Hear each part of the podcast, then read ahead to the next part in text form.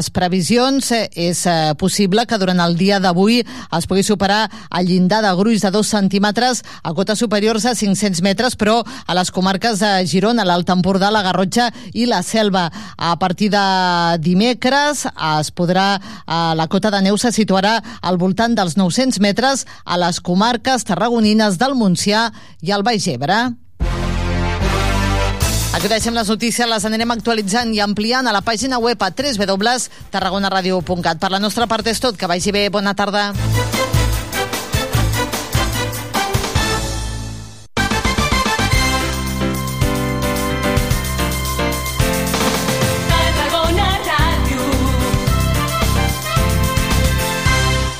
Port Tarragona, motor econòmic de Catalunya. Node logístic estratègic de la Mediterrània. Porta oberta per ferrocarril a Europa i a la península Ibèrica. I espai d'oportunitats industrials i logístiques. Més informació a porttarragona.cat. Europe Direct Tarragona, la teva oficina europea a Tarragona. Tallers, xerrades, simulacions del Parlament Europeu. Incentivem la participació, la reflexió i el debat sobre el futur d'Europa. Tots els serveis i activitats gratuïtes que oferim a europedirect.tarragona.cat i a les nostres xarxes socials. Moll de Costa, la Rambla de la Cultura a la vora del mar. Vine i passeja per l'eix de la cultura, del lleure i de l'esport al Port de Tarragona. Hi trobaràs museus, exposicions, teatre, activitats, espais per passejar i fer esport. Completa la teva visita amb un tas de la gastronomia marinera del Serrallo. Més informació a porttarragona.cat. Com t'imagines Tarragona d'aquí a 20 anys? T'agradaria formar part de la seva transformació? L'Ajuntament de Tarragona impulsa el nou Pla d'Ordenació Urbanística Municipal, un instrument que ens permetrà dissenyar el futur de la ciutat. Gràcies al POUM podrem establir com creixerà i es transformarà Tarragona, quins elements patrimonials cal protegir i quins equipaments cal construir. Per fer-ho possible, necessitem la teva participació. Apunta't als tallers i itineraris previstos. Digues la teva a través del web participa.tarragona.cat. Perquè Tarragona és teva, tens molt a dir. Perquè Tarragona ets tu. Participa. Ajuntament de Tarragona.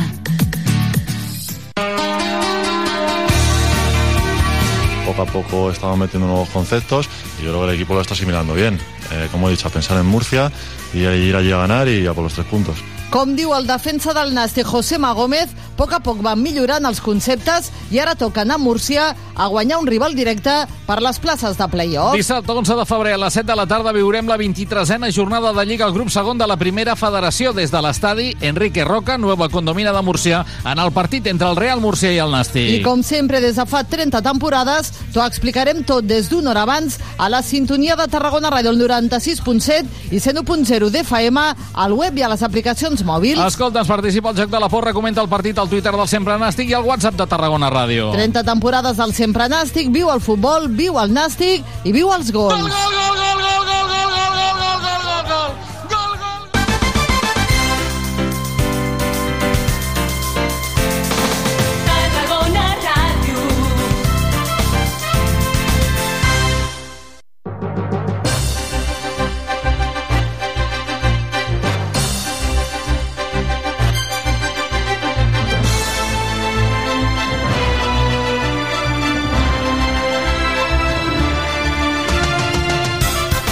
Sempre Nàstic, el programa de referència de l'actualitat del Nàstic a Tarragona Ràdio.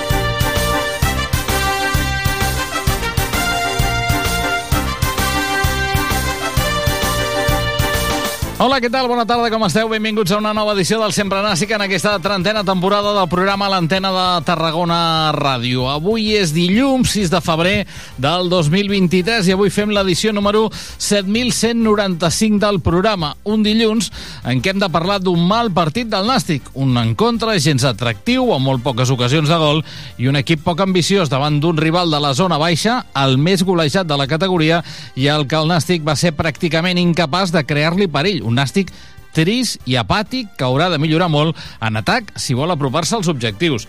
En defensa, l'equip ha anat millorant una mica, d'una mitjana encaixada a la primera volta de 0,76 gols per partit en les tres jornades d'aquesta segona volta, això vol dir a Iñaki Alonso a la banqueta, s'ha rebaixat aquesta mitjana a 0,33 gols encaixat per partit. Des de les tres jornades, dues a més a més s'ha aconseguit mantenir la porteria a zero. Per tant, només han queixat un gol en els tres partits que han jugat. Ara tots els esforços han de centrar en atac per anar millorant i poder complir amb l'objectiu pel que s'haurà de fer una segona volta exigent, com la de la temporada passada.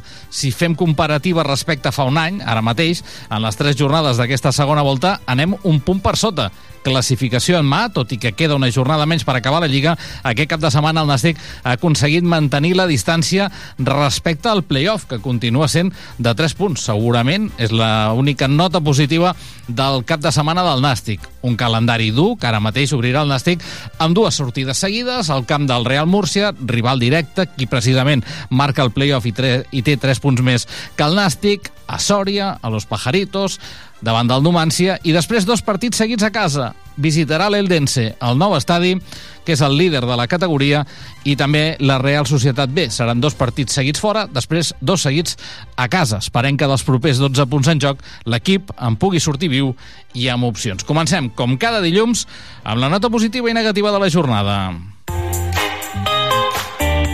Sempre nàstic. El semàfor.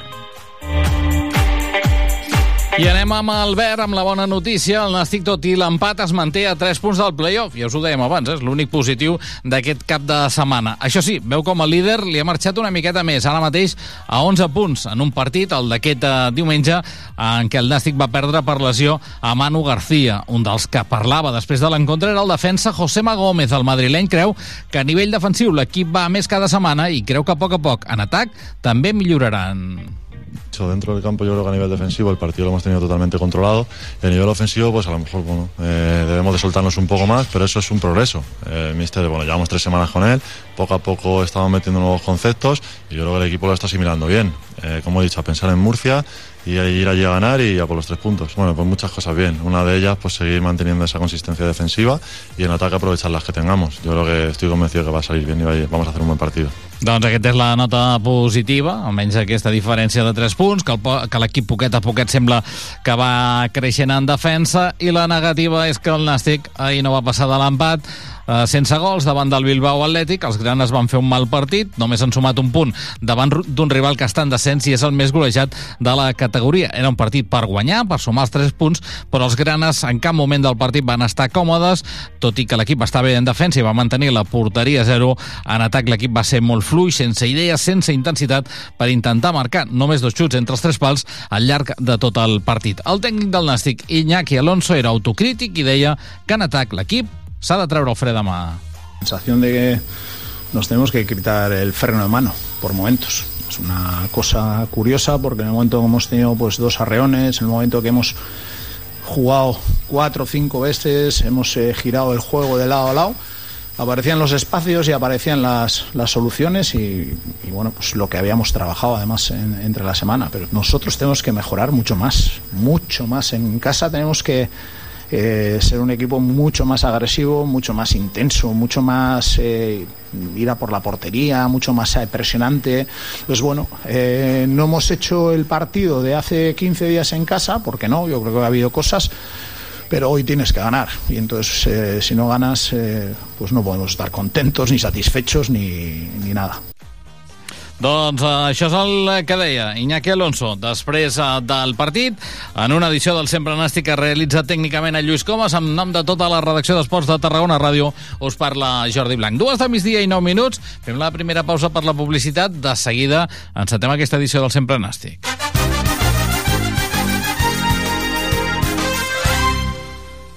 Viu tota l'emoció de l'esport a la Liga 29 a PortAventura World.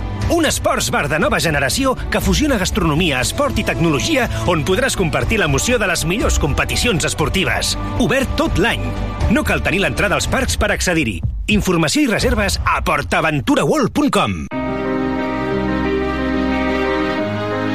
Ja saps què són els fons Next Generation? Són paquets econòmics europeus per a la recuperació de la crisi de la Covid-19 dels estats membres i serveixen per finançar projectes de transició ecològica i digital, creixement sostenible, resiliència econòmica, cohesió social i territorial. En vols saber més? Informa't a europedirect.tarragona.cat i a les nostres xarxes socials. Europe Direct Tarragona, perquè som a Europa.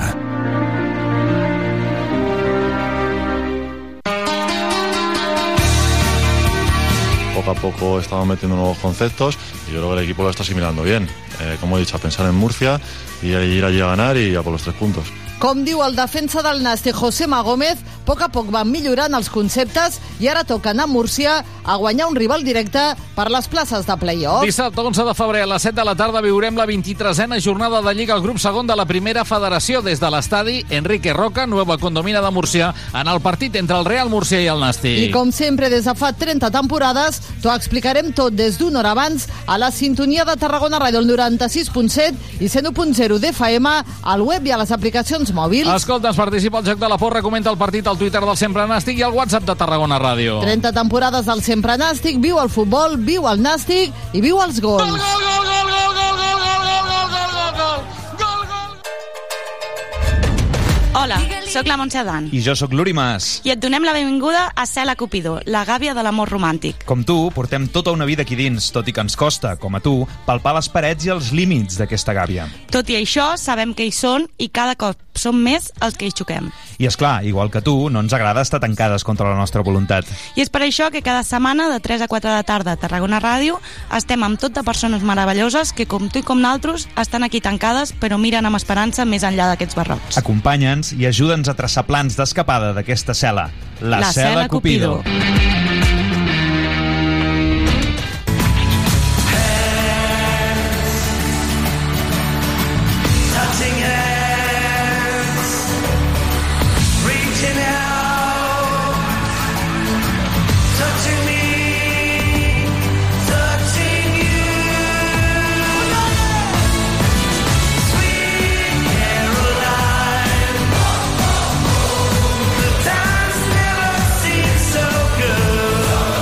4 minuts, arribem al punt d'un quart de 3 de la tarda. Anem ja amb la tertúlia del Sempre Nàstic. Eh, Bé, l'únic que ens anima una mica aquesta tertúlia, eh, a banda dels convidats, eh, que sempre estan eh, benvinguts, i avui ens fa especial il·lusió que ens acompanyi també eh, un dels dos eh, convidats, és la musiqueta aquesta que tenim, que tenim de fons per anar animant una mica el que va ser ahir el decebedor partit de, del gimnàstic de Tarragona. Mira, anem per part. Saludem a un dels habituals, el Toni Oruj. Toni, què tal? Bona Hola, tarda. buenas tardes, muy bien, gracias. I ens fa molta il·lusió també avui, poder saludar el Jordi Abella. Jordi, què tal? Bona tarda. Molt bona tarda. Ara feia temps que no el teníem per aquí, perquè el Jordi Abella ha agafat aquesta... Bé, jo crec que properament publicarà un, una guia d'aquestes de països i de viatges. Què tal per Xipre? Bé, molt bé, molt bé. Una nova experiència, una gran experiència, eh, vivint noves aventures a nivell de, de futbol i també a nivell cultural i a nivell pues, bueno, personal, però la veritat és que pues, bueno, sempre t'emportes, independentment de la part eh, professional, sempre t'emportes més coses en la part personal, no? I la veritat és que ha sigut una experiència, tot i que no, no hagi acabat bé, eh, pues, eh, sempre molt, molt interessant el conèixer una altra lliga, un altre nivell, una altra manera de veure futbol, una altra manera de fer les coses que sempre, pues, bueno, al final tot t'aporta. Mm, els que no ho sàpiguen, eh, Jordi Abella eh, fa bé, ha estat amb diferents aventures ja, formant part del cos tècnic de Xisco Muñoz, a Geòrgia, a Anglaterra, i ara aquesta darrera eh, a Xipre. Què tal el futbol de Xipre? Bé, bé. Eh, la veritat és que bastant més entretingut que aquí, no? Eh, allí sí que hi ha una cosa encara que és molt, molt característica, que és una cosa que veiem aquí fa 20-25 anys, no? que és encara les aficions tenen molt aquella part de, de hooligan, per dir d'alguna manera, i encara hi ha, pues, eh, perquè la gent situa una miqueta molt similar, molt similar a Grècia, no? Molta bengala, molt de petardos, quan comencen els partits, durant el partit, de fet nosaltres va haver-hi un partit que es va arribar a suspendre faltant eh, 15 minuts per la, perquè tiraven bengales al camp, eh, quan són derbis, pues, bueno, jo recordo el primer partit quan vam arribar, era un derbi contra l'Apolon i pues, bueno, teníem, quan va acabar el partit, els antidisturbis i l'helicòpter per dalt per, perquè les aficions no es barallessin. Llavors veus que és aquell futbol encara que es viu molt radicalment, no? per dir d'alguna manera, i les aficions són molt, molt viscerals. No? Els partits es viuen amb moltíssima intensitat tant dintre com fora del terreny de joc. Uh, llavors, pues, bueno, a nivell de lliga podria dir que és com una segona a baixa d'aquí, una primera ref, eh, el que és el nivell futbolístic, però sí que és un futbol que té molta, molta, molta més eh, transició de lo que hi ha aquí. Eh, sobretot les segones parts s'obren moltíssim els partits eh, i salvant les diferències és un, form, un futbol pues, evidentment no, no igual que l'anglès però sí que hi ha molta més transició de lo que es veu aquí a la segona o a la primera ref que uf, jo crec que estem matant el futbol i sobretot els aficionats i hem de fer un, un canvi de xip amb això perquè hi ha massa futbol control Mm, què tal tenim el Xisco Muñoz? Bé, animat? Bé, bé, bé, molt bé, molt bé, molt bé. Eh, bueno, vam, vam optar per marxar amb aquesta aventura perquè de tot el que li havia sortit per aquí no li acabava de convèncer res, eh, tot i que hi havia propostes interessants. Eh, ens va una mica lo exòtic i vam decidir marxar cap allà i la idea era, doncs, bueno, o vam signar fins al maig perquè no ens volíem comprometre a res més, no? Nosaltres hem acabat ara abans de, del maig, oberts a qualsevol proposta, evidentment, doncs, bueno, si és aquí bé i si és a fora també, i llavors doncs, bueno, ara esperar i si no, doncs, de cara a la propera temporada sense cap tipus de problema. Mm. Molt bé, doncs el Jordi que ara estarà per aquí uns quants dies, esperem que no, no molts, perquè això voldrà dir que, que hi ha una altra, una altra aventura després de la de Tbilisi, de, del Dinamo de Tbilisi, la del Watford, que suposo que és la, bé, la millor de totes, no? O almenys ho dic per, per resultats, eh? perquè pel que significa el futbol anglès, un ascens a la Premier, etc etc. Bueno, evidentment, jo m'agrada molt destacar moltes coses, no? però crec que jo, per mi, professionalment, és la millor fita aconseguida i tant de bo m'equivoqui, però jo crec que serà la, més, la millor que pugui arribar a aconseguir. No? I ja no només pel fet de tindre un ascens de segona divisió a primera, sinó el poder haver estat a la Premier i poder treballar a la Premier, evidentment, doncs, bueno, eh, jo crec que a dia d'avui, per mi, no hi ha cap futbol que sigui superior al de la Premier. Vinga, va, parlem de, del Nàstic. Toni, ara el Jordi deia que allà a Xipre, les segones parts hi ha moltes transicions, s'obren molt els partits. Transicions precisament ahir no en van veure, eh? es curioso, ¿no? Es, cu- es curioso porque con el anterior entrenador, normalmente las segundas partes era cuando espabilaban un poco, ¿no? O sea, las primeras partes hubieron muchas de malas, pero las segundas, yo recuerdo de bueno, el Nasty yo creo que, que es de los que más goles mete en las segundas partes. No sé, no tengo la estadística, pero las segundas partes se abrían mucho y, bueno, por lo menos el equipo iba. Aunque no fuese más en plan control, sino en plan con el corazón, más que con... Pero se abrían mucho los partidos en las segundas partes.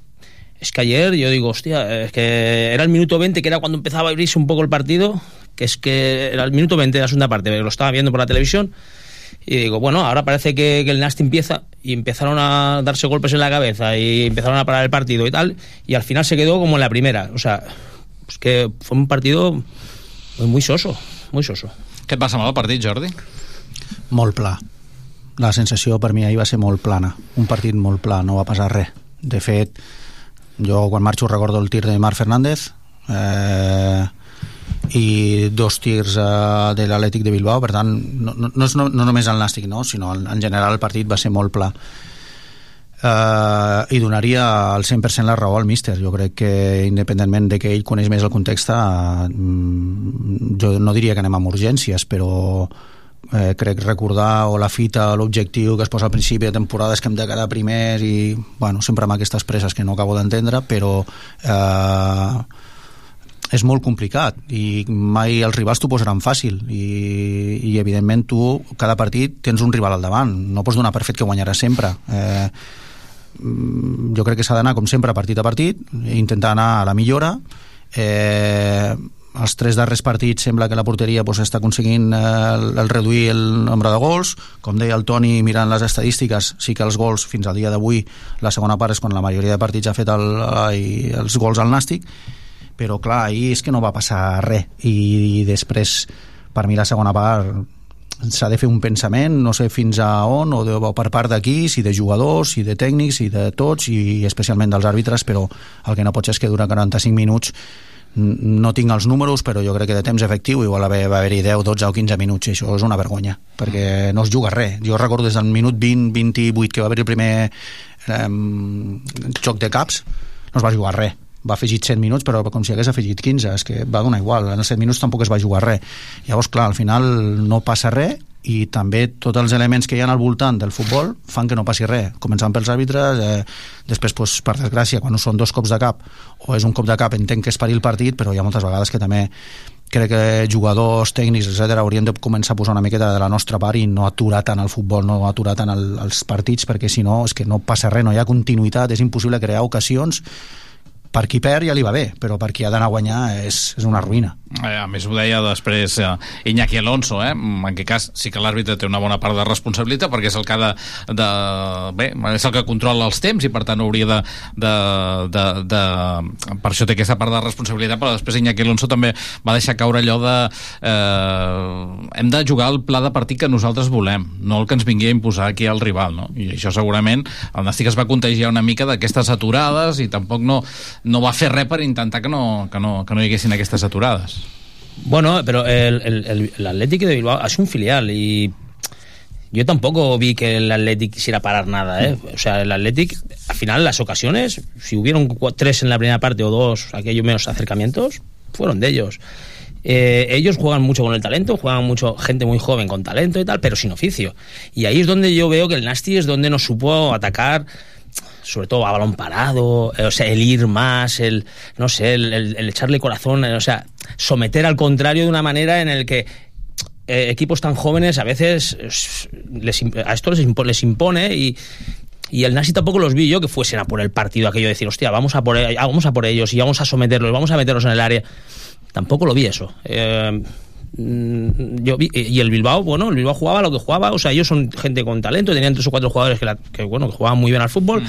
Y bueno, ellos eh, se basaban en eso, pues pillaban a, ¿cómo se llama? El número 7, no me acuerdo ahora, Sí, pero hostia, sí, sí, los hostia, dos sí, bandas. pero los dos bandas eran buenísimos, el 11 también, o sea, y creaban su peligro de esa manera, pero es que el Nasty tampoco no, no, no hacía más para, no sé, es que... Bueno, yo, yo vi lo que es un filial, jugador Claro, técnicamente de buen nivel, que individualmente te generan muchas situaciones de uno contra uno que suelen ganar duelos por esa calidad que tienen individual, que sí que ves que a lo mejor le falta ese puntito de, de veteranía De o de oficio. experiencia o de oficio, pero claro, lo que sí que me gustó y sí que, a ver, es, es positivo o negativo, no lo sé, pero yo estoy bastante limpio porque he podido ver 3, 4, 5 partidos, no he podido ver mucho más porque Ujú. los podía ver a través de Sport 3 o, o cuando dieron el partido de Copa porque lo daba Movistar, etcétera. Ostras, la sensación que me, sen- que me genera Lupu, yo no sé por qué juegan todavía ni por qué no juegan, ¿eh? porque no estoy contaminado. No los he visto más que las veces que lo veo por la tele, que no me gusta ver el fútbol por la tele, pero cuando estás lejos no te queda más remedio.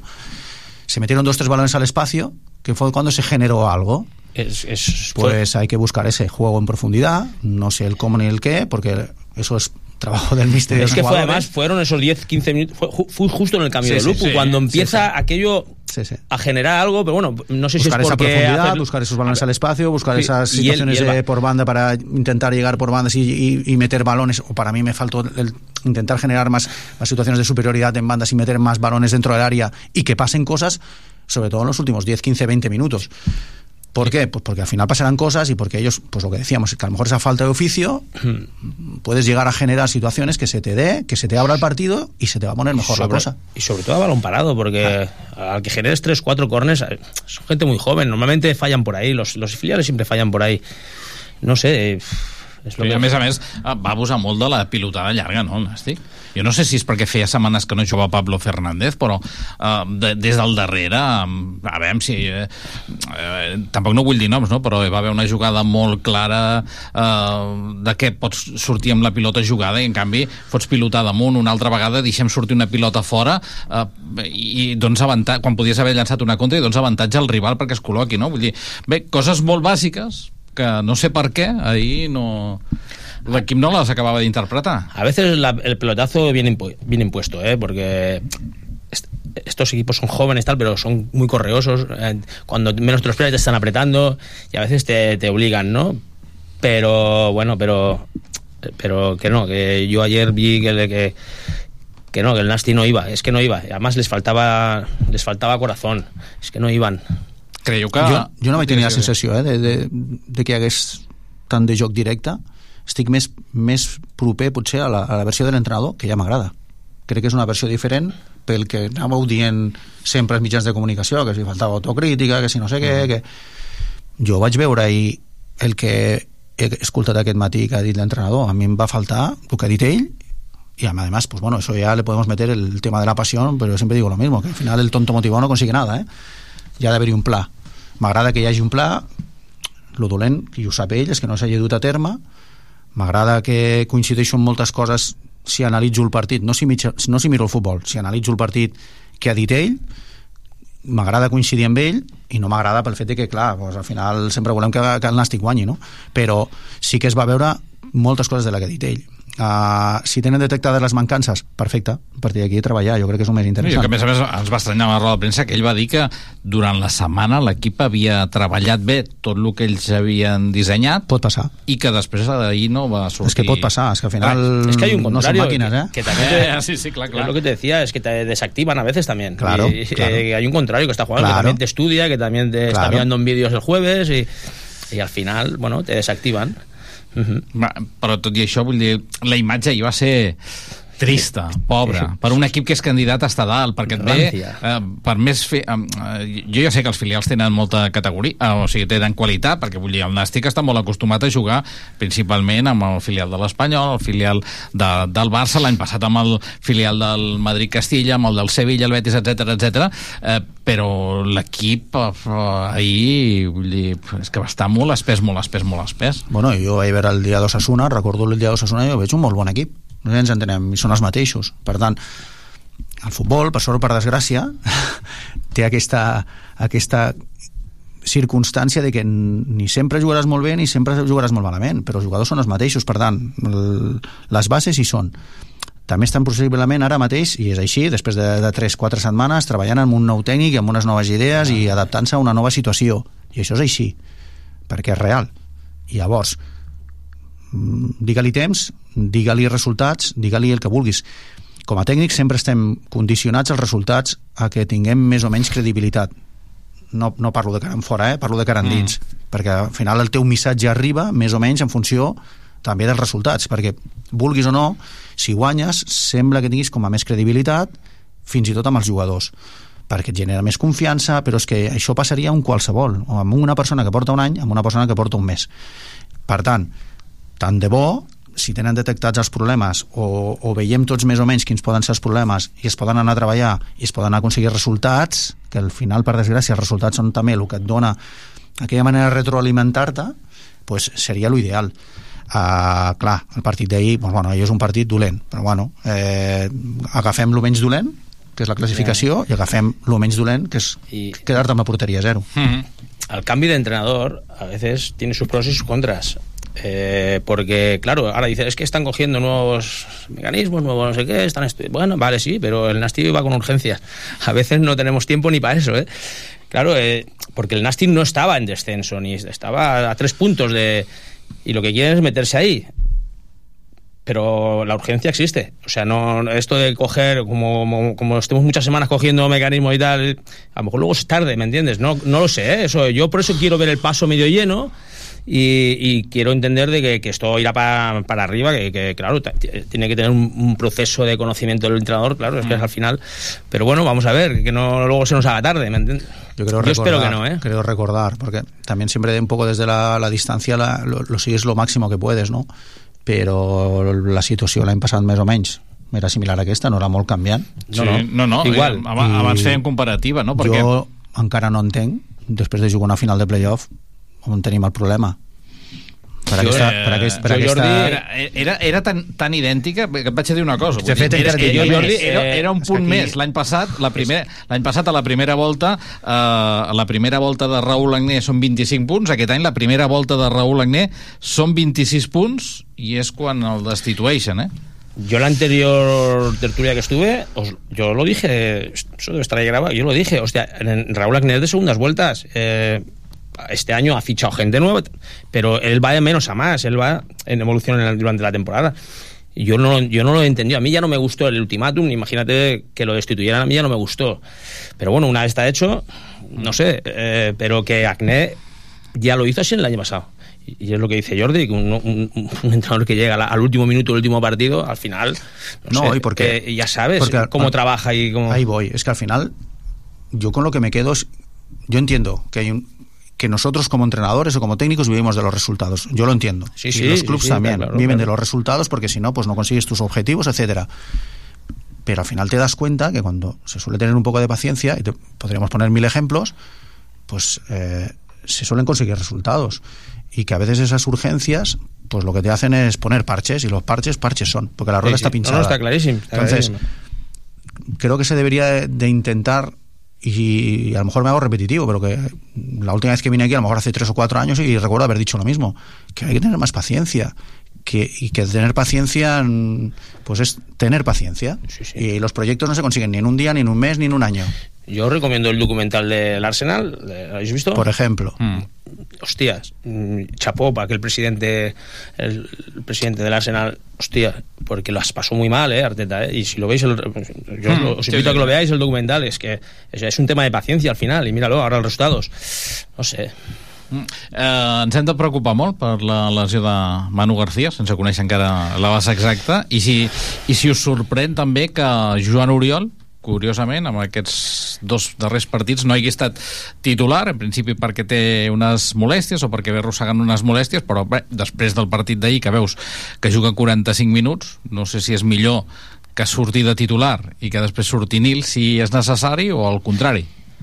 ¿Es por, la les- es por- ¿No es por lesión o no? Porque es que, claro, yo ayer lo escuchaba en la tele, bueno, estaba viendo la tele, el- y el comentarista de la tele decía, el que hacía de tertuliano allí, decía, no, porque, bueno, decía, es que normalmente cuando llega un entrenador nuevo, cogen gente de oficio, gente de tal, y, digo, y yo decía, y, y aquí en Lasti lo está haciendo así, porque, y yo decía, pero si ya se han quitado a John Oriol, que tiene 35, se han quitado el de oficio, lo han quitado. Pero yo no sabía que era por lesión, yo me pensaba que había sido por una en- decisión a técnica. Veure, en principi ens van dir que perquè venia arrossegant unes molèsties i no se'l volia eh, bé exigir més, de, més del compte, però al final ha acabat sortint els dos partits, per tant dius, bé, no sé qui... Eh, sí, home, són Bueno, menys minuts, sí que són menys jo, minuts, jo, eh? el que veig des de fora, jo veig el, el, fins al dia d'avui el, el nivell que, que ha donat eh, les, les darreres temporades Joan com el que estava donant aquesta jo no veig cap tipus de problema si entenc o puc entendre que normalment quan arriba un entrenador eh, es, es busca sempre una miqueta sacsejar l'arbre no? Amb alguna Sí, però, demarcació hòstia, amb algun però- jugador però abans de Joan Oriol té molt per sacsejar, eh? Sí, eh, lo Aquí que decía... lo que- aquí vaig, jo vosaltres que coneixeu molt més el Sí, dia a dia clar, clar, clar. Eh, ja no sé el que pot haver passat o el que pot arribar a haver passat no? eh, eh, si després hi ha molèsties o hi ha lesions, etc, doncs, bueno, ja és una altra història no? però sí sé del nivell que ha donat fins al dia d'avui Joan Oriol al Nàstic i per mi ha sigut excel·lent no? eh, en tots els nivells eh, també pot sentir pues, el fet de que tinc una molt bona relació amb ell de fa moltíssims anys i, i per mi pues, bueno, és el capità perfecte, per dir d'alguna manera no?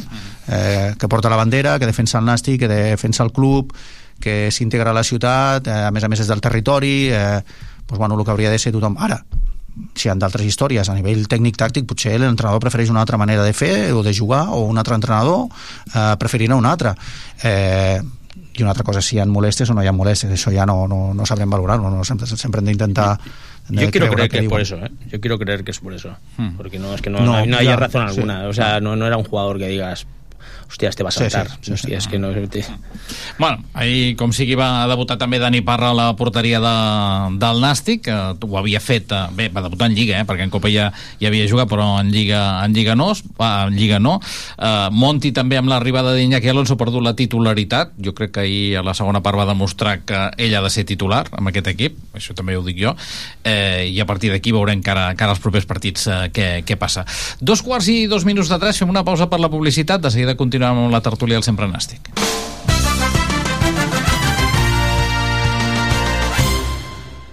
Viu tota l'emoció de l'esport a la Liga 29 a PortAventura World. Un esports bar de nova generació que fusiona gastronomia, esport i tecnologia on podràs compartir l'emoció de les millors competicions esportives. Obert tot l'any. No cal tenir l'entrada als parcs per accedir-hi. Informació i reserves a portaventuraworld.com Port Tarragona ha fet seus els objectius per al desenvolupament sostenible de Nacions Unides. El Pla de Sostenibilitat del Port desplega els 17 ODS amb més de 80 accions per protegir el nostre entorn natural, amb l'objectiu de reduir en un 99% les emissions de CO2 de l'autoritat portuària al 2030. Port Tarragona. Port sostenible. Més informació a porttarragona.cat. Well, are you ready to go?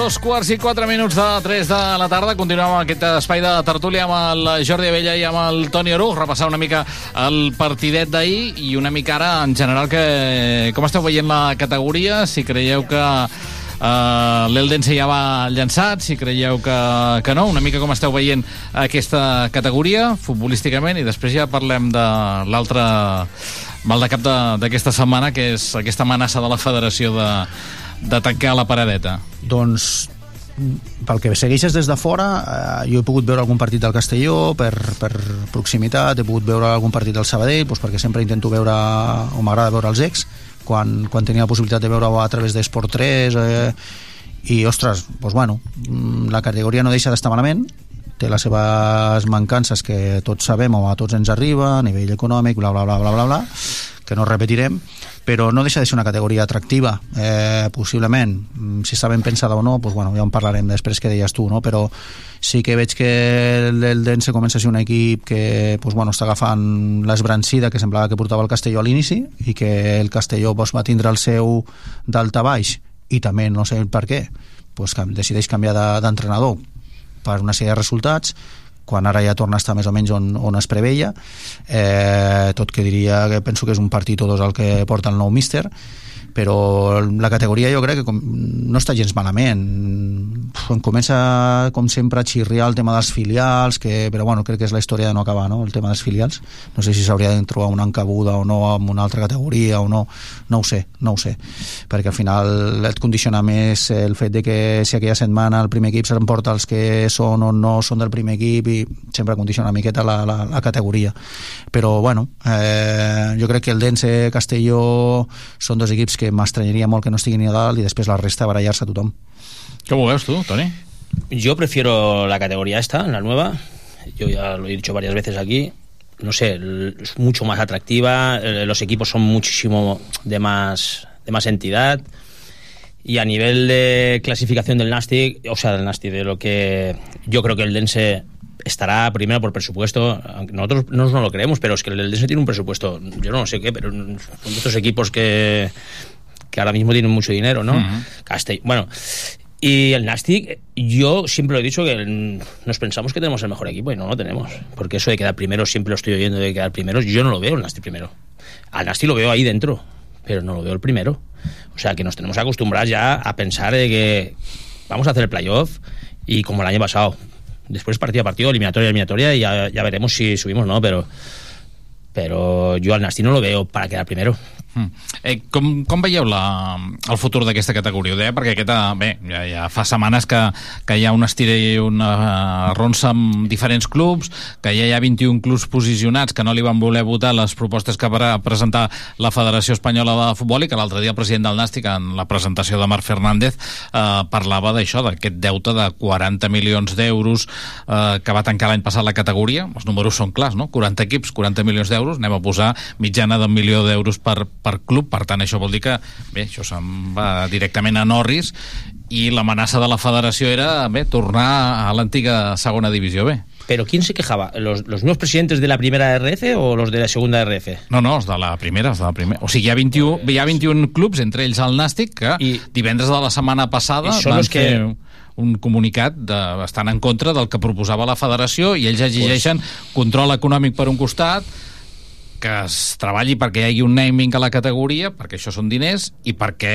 hi hagi una plataforma televisiva com Déu mana, i no l'Insta TV aquesta, eh, fent, fent els partits, i que també, lògicament, acabi donant calés i reduint els grups. També tenen molt clar que es vol reunir, o sigui, es vol reduir a, a un grup, no sé de quants clubs, però... Form... Sí. Solo un grup. Jo vaig llegir el comunicat i potser la, la sensació que vaig tindre que més va coincidir just quan estava a Anglaterra. Crec que hem volgut copiar un model que allà tenen molt clar. I les còpies, com totes les còpies quan, quan, quan acostumes a copiar pues, no acostuma a ser bo. I si ho fas ho hauries de fer eh, a su modelo i semejanza no? Mm. eh, i això és molt difícil. Primer perquè el primer que hauria de canviar és la primera divisió pel repartiment televisiu i això no canviarà perquè hi ha dos que no els interessa, ja ho sabem tots.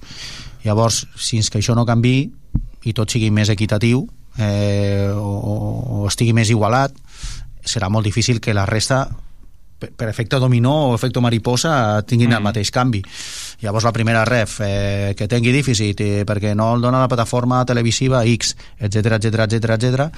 doncs, bueno, si ja costa veure la segona, imagina't la primera ref si la segona ja la gent no la veu, imagina't la primera ref qui compra les partits de primera ref? els aficionats de cada equip, punt no sé, no, allò no ho comprarà ningú més serà molt Ja. difícil de que si la gent ja no veu un Getafe, sí, però si, que és si, primera si aconsegueixes vendre el producte en obert, ja que el futbol de primera i segona és pràcticament tot tancat, o sigui, sí que hi ha un partit, pues igual, jo que sé, un Deportivo de la Coruña Córdoba igual té més audiència que una Societat Deportiva Huesca Ponferradina. Clar, Estem aquí està. parlant de partit Bueno, de primera de hecho- ref i partit de De segona hecho, las eh? autonómicas ya lo hacen un poco, ¿no?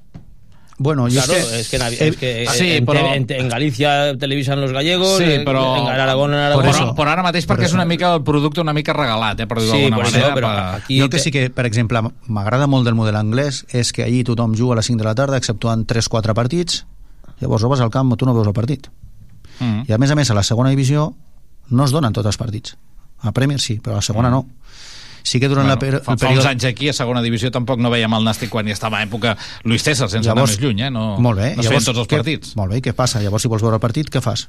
Vas al camp. Molt bé, ja està, doncs ja tenim la O solució. escoltes la ràdio. Molt bé. Ahí està. Ahí, vale? Llavors, jo crec que la solució, la solució és la tele, però la solució tampoc és la tele, al 100%. Val? Llavors, s'ha de buscar aquell terme mig on tothom surti beneficiat. Evidentment, els clubs per un costat, però l'aficionat per un altre, i evidentment doncs a dia d'avui no sé el com i el per què perquè a mi no em toca fer-ho, a mi em toca preocupar-me d'unes altres coses, la categoria està ben pensada o ben ideada però el projecte a l'hora de tirar-la endavant, el projecte efectiu el del dia a dia, no està funcionant i no crec que els culpables siguin els clubs crec que aquí federacions han de dir alguna cosa Si al final se pierde dinero, como decía Andreu, ¿no?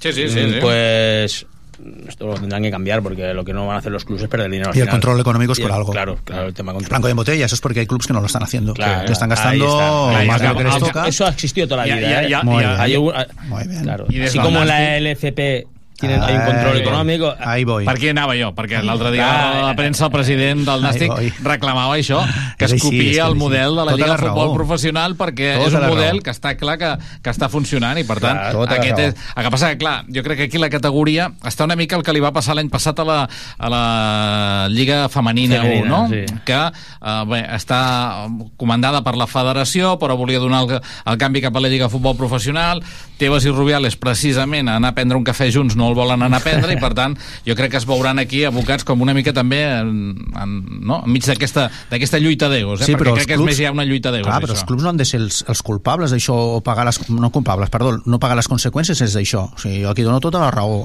Sigui el Nàstic o sigui el Castelló o sigui el club que sigui. Uh, els clubs tenen aquest dret de que si tu ingresses 10, n'hauries de gastar 10. El que no pot passar és com en èpoques passades, que tu ingressaves 10 i te'n gastaves 50 i a més a més del dèficit que generaves de 40 deies, ha estos 40 en el pressupuesto del año que viene i anem fent això algú de controlar. Si algú no ho controla, tenim un problema. Mm, Aquí a 20 quilòmetres va haver-hi un club que li va passar, i ho tenim tot molt clar. Llavors, eh, no fa falta anar-se'n molt lluny. Si aquí al costat ho van fer, hosti, doncs si la federació ha de controlar les coses, que les controli bé. I allò li va passar a la Liga, no li va Sí, passar sí, a la no, no, federació. li va passar a la No, Liga, no, sí, no. sí, sí, sí. Per tant, por, por eso se fue a, Ahí, al por eso, aquí està. Llavors, això és el que s'hauria de controlar. Si posarem un nom que sigui lluny d'aquí, la Núcia o l'Intercity, eh, no estan fent les coses econòmicament i no podran mantenir la categoria, escolta, chato, muchas gracias por haber venido, ahí está la puerta y adiós. Mm. I punto. I si s'ha de ser de 18, de 18. I si s'ha de ser de 16, de 16. I si ha de ser només de 24 i un únic grup, doncs de 24 i un únic grup. No sé si ens entenem, però el que no pot ser és que tu competeixis, intentis, invento, tindre un pressupost de 5 milions d'euros, arribi un altre club i digui que té 8 milions d'euros quan verdaderament pues, està gastant 14 i estàs competint en desigualtat de condicions, això està claríssim. Va, estarem pendents, eh, perquè aquest mes de febrer, finals de mes, hi torna a haver una altra reunió. Veurem com van les coses a la Federació Espanyola de Futbol i sobretot del futur d'aquesta categoria de la primera federació. Toni Uruch, que ha estat un ple que ens hagis Igual. acompanyat, que vagi molt bé. Igualmente, muchas Jordi, gracias. no triguis 4 anys en tornar, eh, que abans has dit que feia 4 anys Feia que molt, feia aquí. molt. Abans del Covid, segur. Bueno, escolta, si és per feina, escolta, trigues el que vulguis, ja farem videoconferències d'aquestes, eh? Ojalà, ojalà. Que vagi molt bé, Jordi, gràcies. Moltíssimes gràcies a vosaltres. Un minut, eh, bé, no, 30 segons, 3 quarts de 3 de la tarda, tenim ja el José Antonio Luaces. José Antonio, què tal? Bona tarda. Bona tarda, Jordi. Sempre Nàstic. L'altra lliga amb José Antonio Luaces.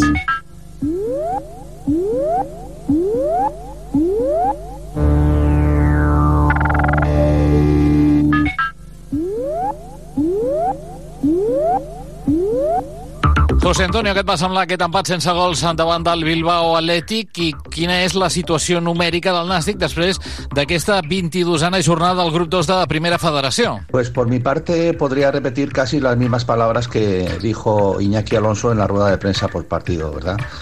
Por lo que no, no voy a repetirlas. Pero creo que el Nastic em, actualmente tiene muchas áreas de mejora en todas las líneas y además eh, la baja de Manu García pues ha venido a complicar un poquito las cosas, ¿verdad? Aunque hemos de confiar plenamente en el joven Dani Parra, al que deseamos mucha suerte y acierto para los partidos que le vienen por delante. Como ya he dicho en, en- en anteriores eh, ocasiones y sobre todo la temporada pasada, que los empates cuando no llevas un buen puñado de victoria pues no sirven de mucho, más bien te retrasan la, la velocidad de crucero, ¿no? Como ha ocurrido en este caso. De los 22 partidos jugados, en las que ha ganado 8, ha empatado 7 y ha perdido otros 7. Los goles no varían, 22 a favor y 26 en contra y una diferencia de menos 4, que una vez más vemos que eh, nos penaliza mucho cuando hay otro equipo empatado a mismo, con los mismos puntos, ¿no? En este caso el Cornellá pues nos supera por- por esto, por la diferencia de goles. Eh, se han sumado hasta ahora 31 de 66 y el porcentaje aún está por debajo del 47% y una media de 1,41 puntos por partido jugado. Esta media nos llevaría, eh, proyectando a final de la temporada, pues a 53-54 puntos, mm, como estamos ahora, en, en la zona media alta, en la décima posición, pues ahí acaba yo en, en- entre la zona media alta y la zona media baja. Y en cuanto a, mm, si tenemos en cuenta un quinto puesto con 60 puntos, igual que ocurrió la pasada temporada, porque esta temporada pues está, está siendo casi igual, muy, muy barata, pues eh, aún llevamos un déficit de 3,76 puntos. Y aunque parece poco, pero mm, eh, en los próximos partidos tenemos dos salidas fuera, luego dos, dos partidos en casa. Esperemos que al final de esos cuatro partidos el Nastic esté en una posición pues mucho más cercana a la, a la zona noble. Com cada setmana fent comparativa respecte a la temporada passada, com estaven les coses tot just ara fa un any? aquella vigésimo segunda jornada de, de la temporada anterior, el, el Nastic ganó en el nuevo estadio al Real Madrid Castilla por 1 a 0 con gol de Bonilla, si no recuerdo mal, por lo que subió hasta la octava plaza con 31 puntos de 66 posibles. Estaba a 4 puntos del, del playoff que todavía ocupaba el, el Castellón con 35 puntos y tenía 4 puntos más que el Linares que eh, ocupaba la primera plaza del descenso con 27. Así que, eh, curiosamente, el actual Nastic tiene los mismos puntos y se encuentra situado dos puestos eh, más abajo en la, en la clasificación general provisional por aquello del golaveraje. Así que la situación del actual Nastic es casi casi idéntica al de aquella temporada en, por estas fechas. I aquest proper cap de setmana el Nàstic farà el primer dels dos partits consecutius que té fora de casa. Visitarà dissabte l'estadi Enrique Roca de Múrcia per jugar davant del Real Múrcia a la recerca de- d'una victòria. L'equip necessita guanyar partits com sigui. No, el futuro cercano del el, el futuro inmediato del Nastic son dos salidas consecutivas, así que el próximo sábado será la primera, se medirá con el Real Murcia en su en la nueva condomina y un Real Murcia que en esta jornada 22 mm, recibió a la Real Sociedad, un partido de altos vuelos, con resultado final de 1 a 1 por lo que se ha quedado en la, en la quinta posición, cerrando la, la zona de playoff, con 34 puntos de 66, tres más que el Nastic, y, y con una media de 1,54, para que veamos que en- si el año pasado rondaba los 1,58 para llegar a 60 puntos, pues todavía está, por eso digo que la, la zona de playoff ahora mismo está un poquito barata. Y por otra parte, cabe recordar que en la jornada 7 de la primera vuelta, el equipo Grana venció en el nuevo estadio por 3 a 2. Y que eh, ahora ya el golaveraje particular está en juego, por lo cual sería importantísimo una victoria en, Murcia. Así que si el Nastic la lograse, la, victoria sumaría 34 puntos de 69 y sumaría, o sea, haría ya una media de 1,48, eh, ligeramente superior a la que tenemos ahora. Consolidaría su posición en la zona media alta y en caso de empate sumaría 32 y quedaría pues ahí eh, a caballo entre la zona media alta y la baja. Pero si perdiera, pues podría bajar una o dos posiciones, más no, no lo creo. Principals estadístiques que ens ha deixat aquesta 22a jornada al grup 2 de Primera Federació? En esta jornada 22 hemos vuelto a tener muchos empates y bastantes goles. Eh, de hecho, de los 10 partidos jugados, eh, tan solo se han dado dos victorias locales, que ya es la cuarta jornada en la que se consiguen tan pocas victorias locales, eh, cinco empates, en cambio cinco empates llevamos un tres, seis eh, jornadas de las 22 disputadas hasta el momento que acabaron con cinco empates, lo que da una idea de la igualdad que, que tenemos en, en este grupo. Y tan solo tres victorias visitantes. Entonces, en, en total, de los 220 di- disputados, eh, noven- 90 han sido victorias locales, que es un 48%. Ojo, porque estamos en un 7% menos que el que conseguido la, la temporada pasada. En cambio, de empates van ses- 73, con un 33%, que es justamente un empate de cada tres partidos. ¿eh? Y vamos un 8% superior al de la temporada pasada. Y por la, cuanto a las victorias visitantes, son 57, que es un 26% y coincide en estos momentos con lo, con, lo que se, se dio en la, en la temporada pasada. Y en cuanto a goles marcados, pues han, se han conseguido 25, 12 locales y 13 visitantes. Y en el total de 220 mm, ya tenemos que los equipos eh, eh, como locales han marcado 270 goles, supone un 57%, y los visitantes han conseguido 206, un 43%. En total dan 476 goles y una media de 2,16 que nos llevaría a final de temporada sobre los 820 goles aproximadamente. Y como ya venimos diciendo las, las últimas jornadas, el, en el grupo primero ahora mismo tiene 502 goles, por lo cual han sumado hasta el momento un 26 más que en el grupo que en el grupo segundo. I això ho rematem com cada dilluns amb el trofeu Pichichi Zamora. Com el tenim, José Antonio? En cuanto a estas dos clasificaciones del trofeo Pichichi Zamora, pues muy pocas novedades, ¿verdad? En el, en el Pichichi Eneco Jauregui de la Morevieta eh, sigue primero con 11 goles, Nacho del Real Unión está en segunda posición con 10 goles y teníamos en la pasada, eh, la pasada jornada en tercera posición a Dioni con 9 goles, pues ahora se le, se le ha sumado un Zueta de la Sociedad Deportiva Logroñés que ayer consiguió su noveno gol. Y en cuanto a los porteros, también muy poquita novedad. Mm, Bueno, una novedad desagradable y es que de los cuatro porteros que había, que, que había jugado todos los partidos, pues ahora se ha caído Manu García, por lo que tan solamente quedan, quedan tres. Eh, eh, Vallejo, el, el portero de Bañuz y Lucas Anáquer de- del Cornellá. Así que en primera posición está Alfonso Pastor, el portero del Castellón, que ha encajado 12 en 19 y tiene un cociente de 0,63. En segunda posición Vallejo, el portero del, del Eldense, 15 goles en 22 partidos, 0,68. Y también Unai Marrero, que también recibió un, un gol esta, esta jornada de la Real Sociedad, que eh, cajó 17 en 19 y tiene un cociente de 0,89. Como vemos, son los tres porteros de los tres primeros clasificados. Y de aquí pues se ha caído Lucas Anáquer, que estaba la temporada pasada, porque el, sábado pasado pues encajó, encajó tres goles. Y por último, respecto a, los goleadores del Nastic, pues la única novedad que, que tenemos es que eh, debutó, debutó Dani Parra, con lo cual ahora ya son 23 futbolistas los que han conseguido debutar esta temporada con el Nastic. Y de ellos, 12 han conseguido marcar al menos un gol. El primero sigue siendo Guillermo con 5 goles y en tercera posición Joan Oriol, perdón, en segunda posición con 3 goles Joan Oriol y en tercera posición con 2 goles Mar Fernández, Bonilla, Robert Simón y Pablo Fernández. En cuanto a Manu García, lamentamos muchísimo la- la lesión, lo cual le- le va, probablemente le va a dejar dos o tres semanas en el dique seco y nos alegramos por el debut de, de Parra, que pu- pudo mantener su portería a cero, además con un, par de intervenciones muy, muy notables.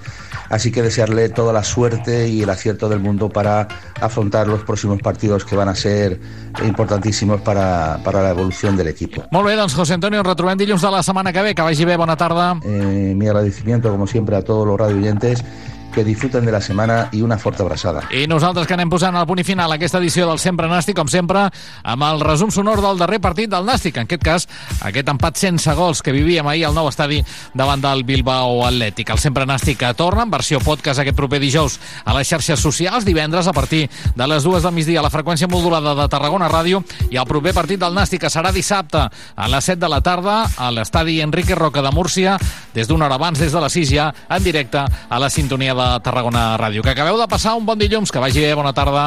De l'àrbitre que ho té tot eh, controlat, ara sí en punt són les 5 de la tarda, per tant ara mateix xiularà a la madrilenya Pedro Eugenio Muñoz Piedra i arrenca el partit al nou estadi a la sintonia de Tarragona Ràdio.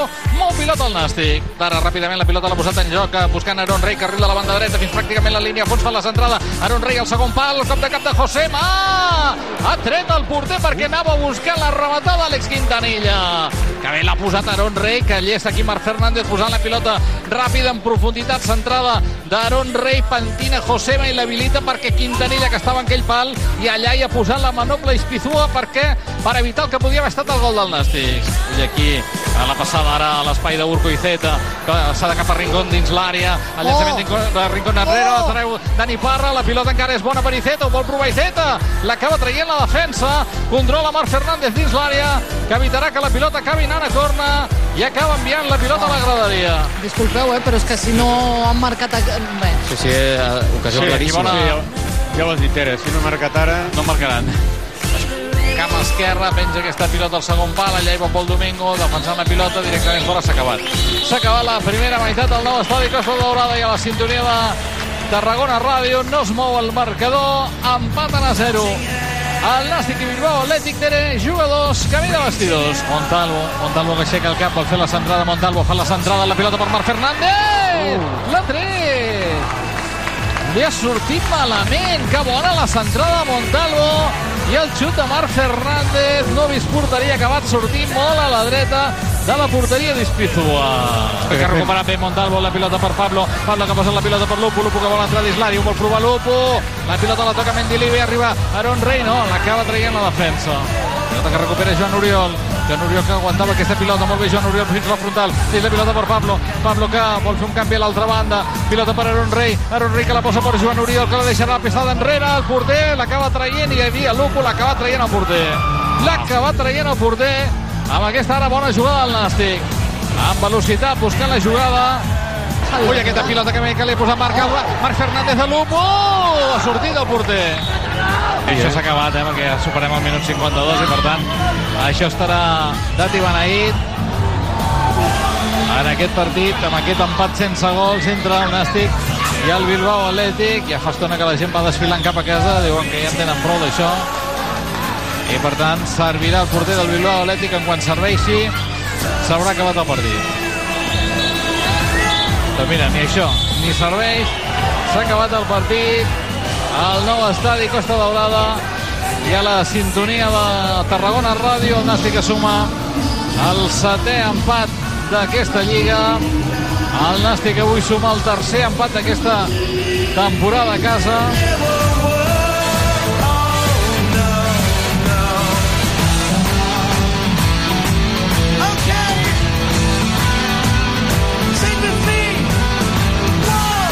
Sempre Nàstic. El recurs de la jornada a Tarragona Ràdio.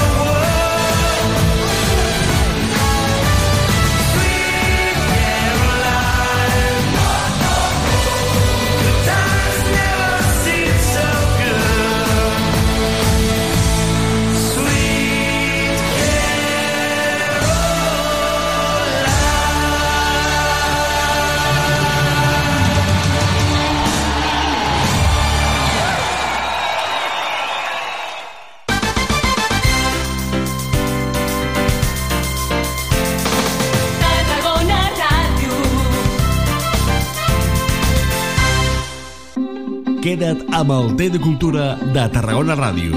Totes les setmanes estem d'estrena.